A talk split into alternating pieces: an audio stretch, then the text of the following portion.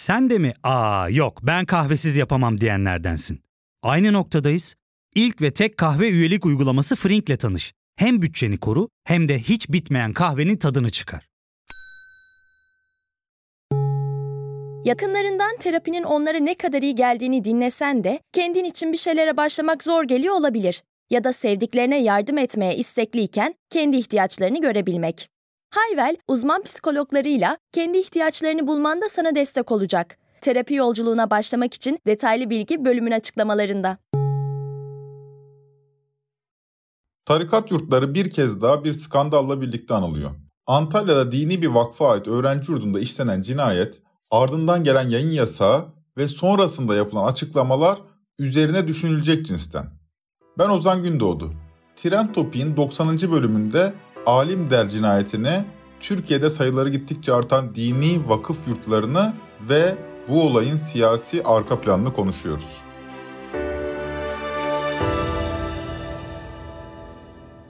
Cinayetin gerçekleştiği öğrenci yurdu Antalya İlim ve Kültür Derneği'ne bağlı. Kısa adıyla Alim Der. Yemekhanenin aşçısı 7 Aralık akşamı yurtta kalan üniversite öğrencisi Sami Tuğrul'u satırla katletti. Olaya dair daha fazla detay vermek uygun olmayacağı için 18 yaşındaki bilgisayar mühendisliği öğrencisi Sami Tuğrul hayatını kaybetti demekle yetinelim. Cinayet ilk etapta bir adli vakaya benziyordu.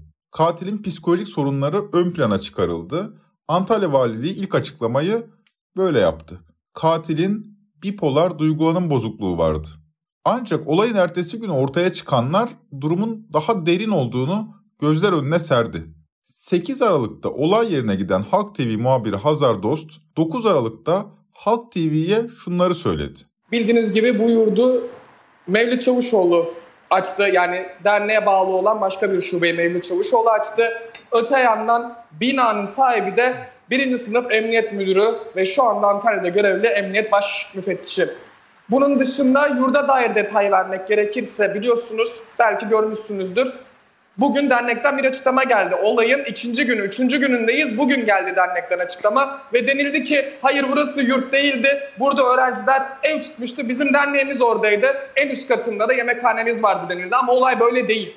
Kesinlikle böyle değil çünkü yurtta kalan öğrencilerle konuştuk biz.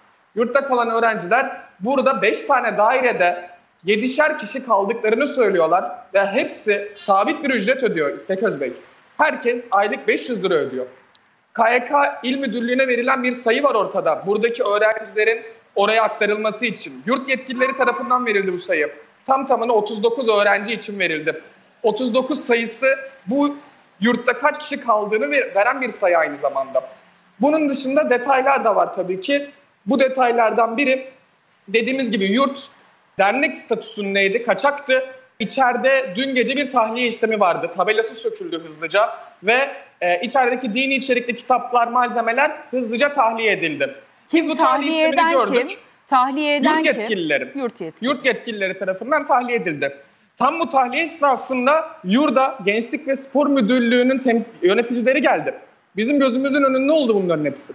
Geldiler orada ne olduğunu gördüler. Tahliyede nelerin çıkartıldığını gördüler. Olayın hemen ardından Antalya 6. Sulh Ceza Mahkemesi tarafından olaya ilişkin yayın yasağı getirildi. Yayın yasağı kararını gazeteci İsmail Saymaz şöyle yorumluyor. Yayın yasağı Antalya 6. Sulh Ceza Mahkemesi hakimliği aynı gün Antalya Cumhuriyet Başsavcının talebi üzerine gizlilik kararı aldı. Bu, bu neden bu dosyada gizlilik kararı var? Neden kamuoyu bu dosyayı bilmesin? Evet. Sorusuna cevaben mahkeme şu gerekçeyi ileri sürmüş. Soruşturmanın sağlıklı içinde yürütülmesine engel olmaz engel olduğu, toplum sağlığı, maktulün ailesinin olaydan olumsuz bir biçimde etkileneceği. Bu gerekçelerle soruşturma dosyasına gizlilik kararı getirildi.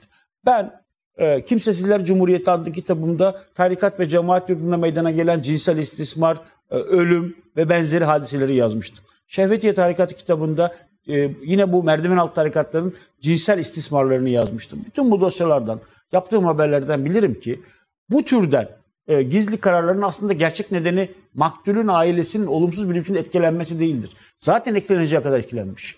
Zaten evladının başına şu hayatta olabilecek en ağır akıbetlerden e, biri gelmiş, vahşi biçimde hayatına son verilmiş. Aile zaten etkilenmiş. Bu aslında tarikatın etkilenmemesine yönelik alınmış bir karar. Yani aileyi korumaya yönelik değil, tarikatı korumaya yönelik. Bu dosyada tarikat yurdunda meydana gelen cinayete dair toplumun bilgilenmemesine dair aileyi değil koruma e, tarikatı korumaya yönelik bir karardır. Şimdi Saymaz'ın yorumu elbette tartışmaya açık ama Alimder'de yaşanan cinayet tarikat yurtlarına yönelik skandalların da ilki değil. Yani çok değil. Birkaç yıl önce meydana gelen bu Ensar Vakfı olayını hatırlarsınız. İktidar aynı iktidar. Açıklamalar da yine bugünküne benzer türden. Tabii ki e, bu olayı bizim hizmetleriyle her zaman gurur duyduğumuz bir vakıfla ilişkilendirilmek istendi ki bu vakfımızda e, bir süre görev yapmış. Onun da ne kadar olduğunu vakıf çalışanları tarafından açıklandı. Her zaman kötü niyetli insanlar, her zaman bazı işleri suistimal edebilen insanlar olabiliyor. Bu bir kere rastlanmış olması hizmetleriyle ön plana çıkmış bir kurumumuzu karalamak için gerekçe olamaz. Biz Ensar Vakfı'nı da tanıyoruz, hizmetlerini takdir ediyoruz ama öteki taraftan bunu yapan kişi içinde sıfır toleransla hukuki açıdan bütün takibimizi yapıyoruz. Türkiye'de son yıllarda tarikatlara bağlı yurtlar birbiri ardına skandallarla anılıyor.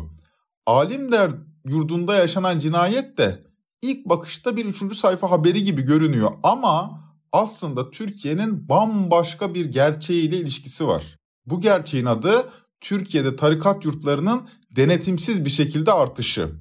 Hatırlarsınız yaklaşık iki ay önce fiziksel eğitime yeniden başlayan lise ve üniversite öğrencileri fahiş ev fiyatları ve yurt yetersizliği nedeniyle e, sokaklara dökülmüştü. Barınamıyoruz e, sloganıyla protestolar gerçekleştirmişti. Bu öğrenciler arasında Ankara Hukuk 4. sınıf öğrencisi Zeynep Kurt BBC Türkçe'ye şöyle bir röportaj vermiş. Okullarımızın, kampüslerimizin tekrar açılmasıyla birlikte üniversitelerimizin olduğu kentlere geri döndüğümüzde müthiş bir kira e, zammıyla, fahiş fiyatlarla karşılaştık. Bir yandan yurtlar da aynı şekildeydi.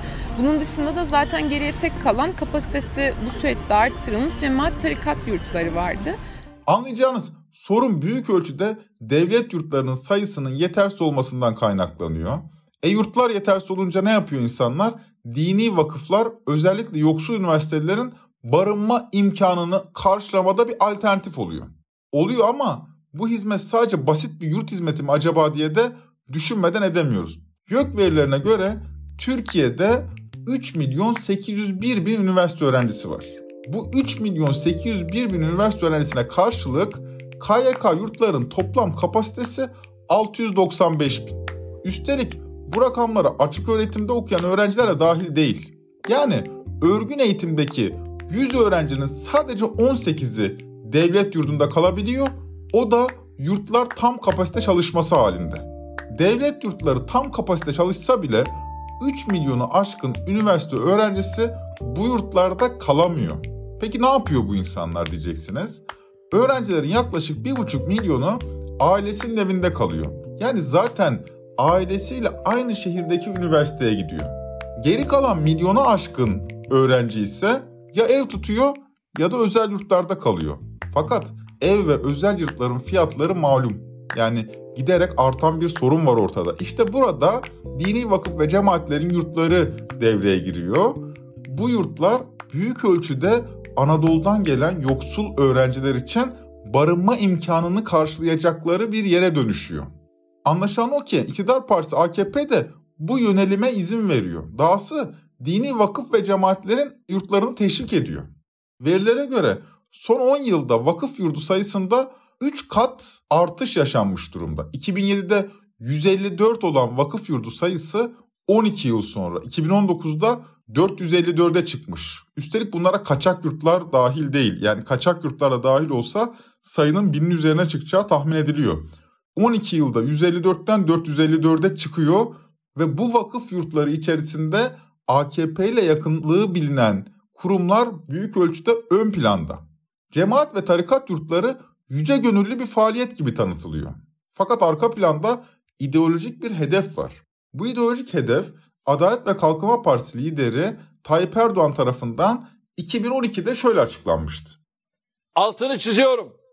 modern, dindar bir gençlikten bahsediyorum.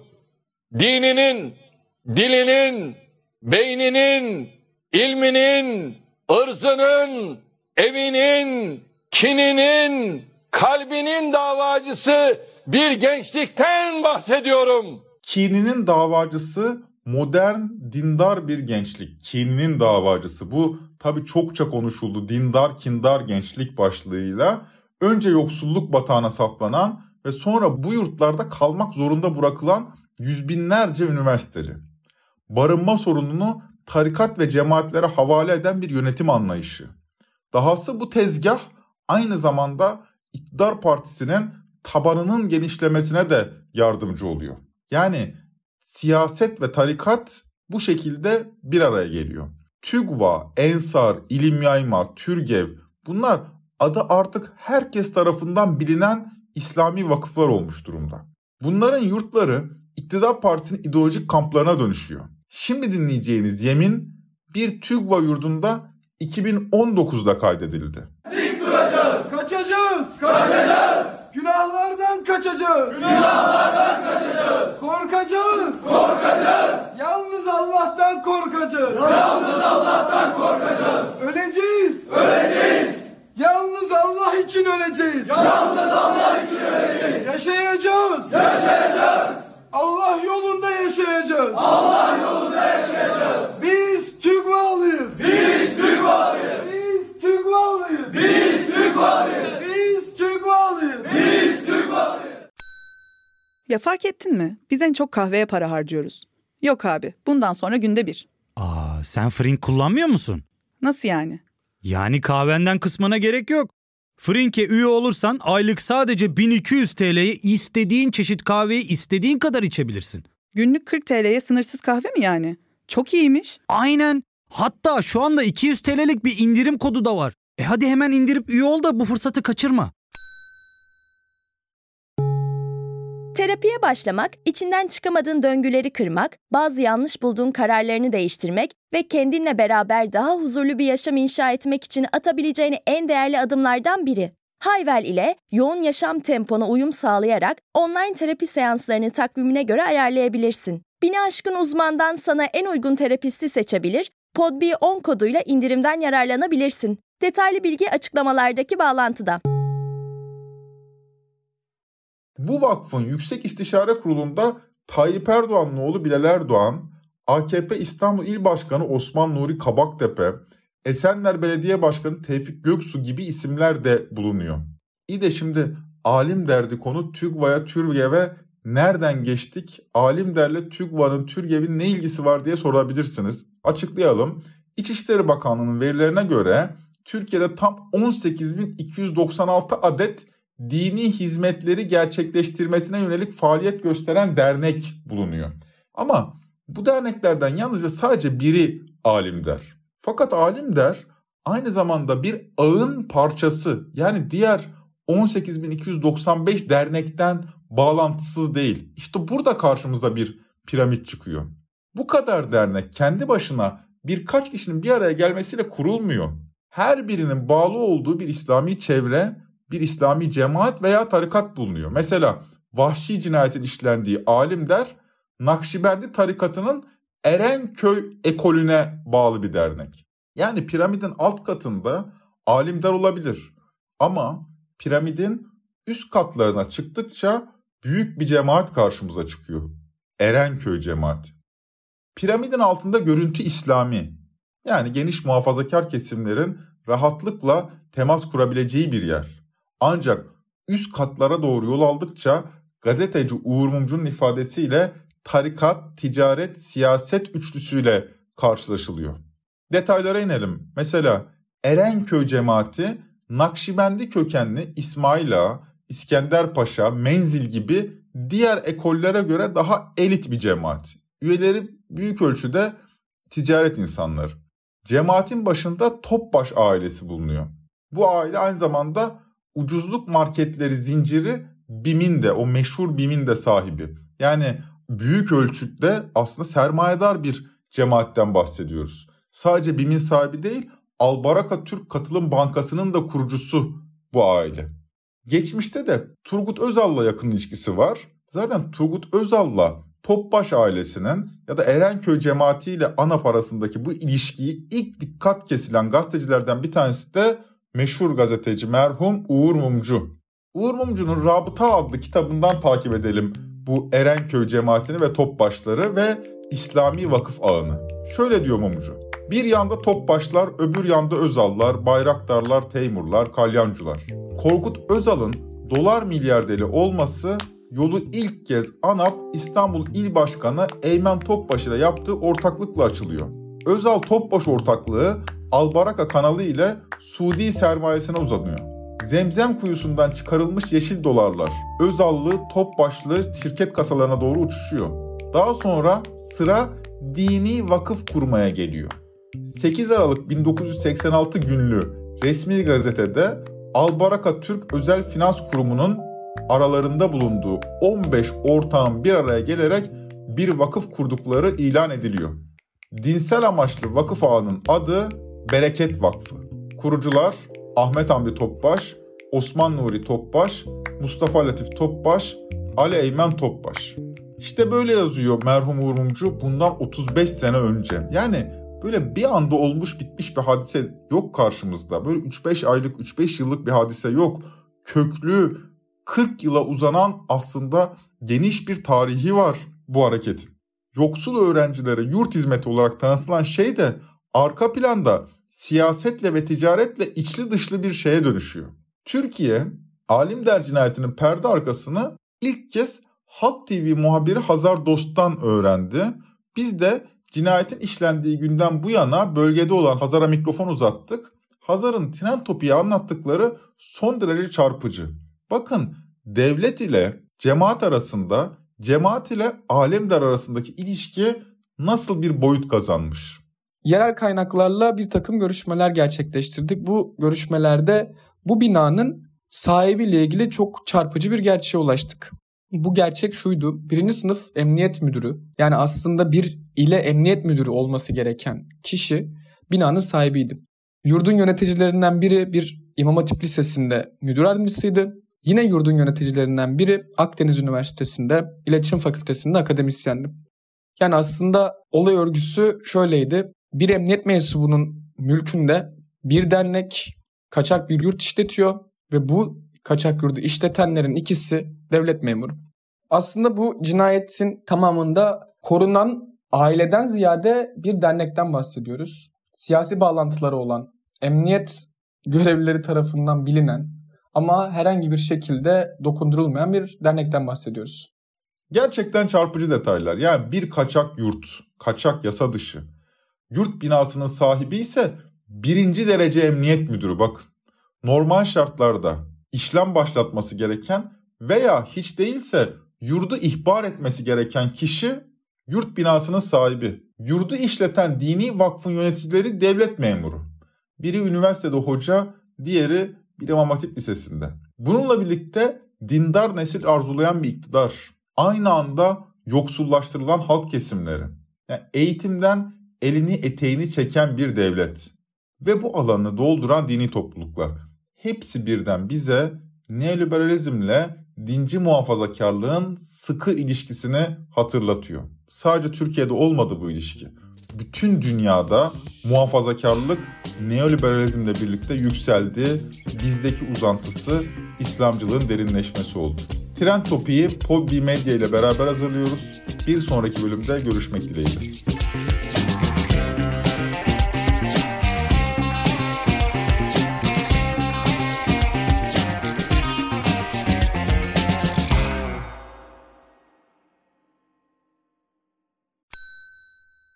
Ve tek kahve üyelik uygulaması Frink, 46 ildeki 500'den fazla noktada seni bekliyor.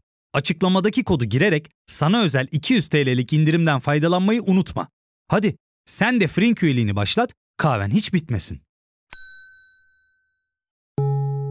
Hem bugününe hem yarınına katacaklarıyla terapi yolculuğuna ve daha iyi hissetmeye bugün Hayvel ile başla. Açıklamadaki linkten Hayvel'i indir, ücretsiz tanışma görüşmelerinin ardından bütçene uygun seans paketini seç ve terapi yolculuğuna başla.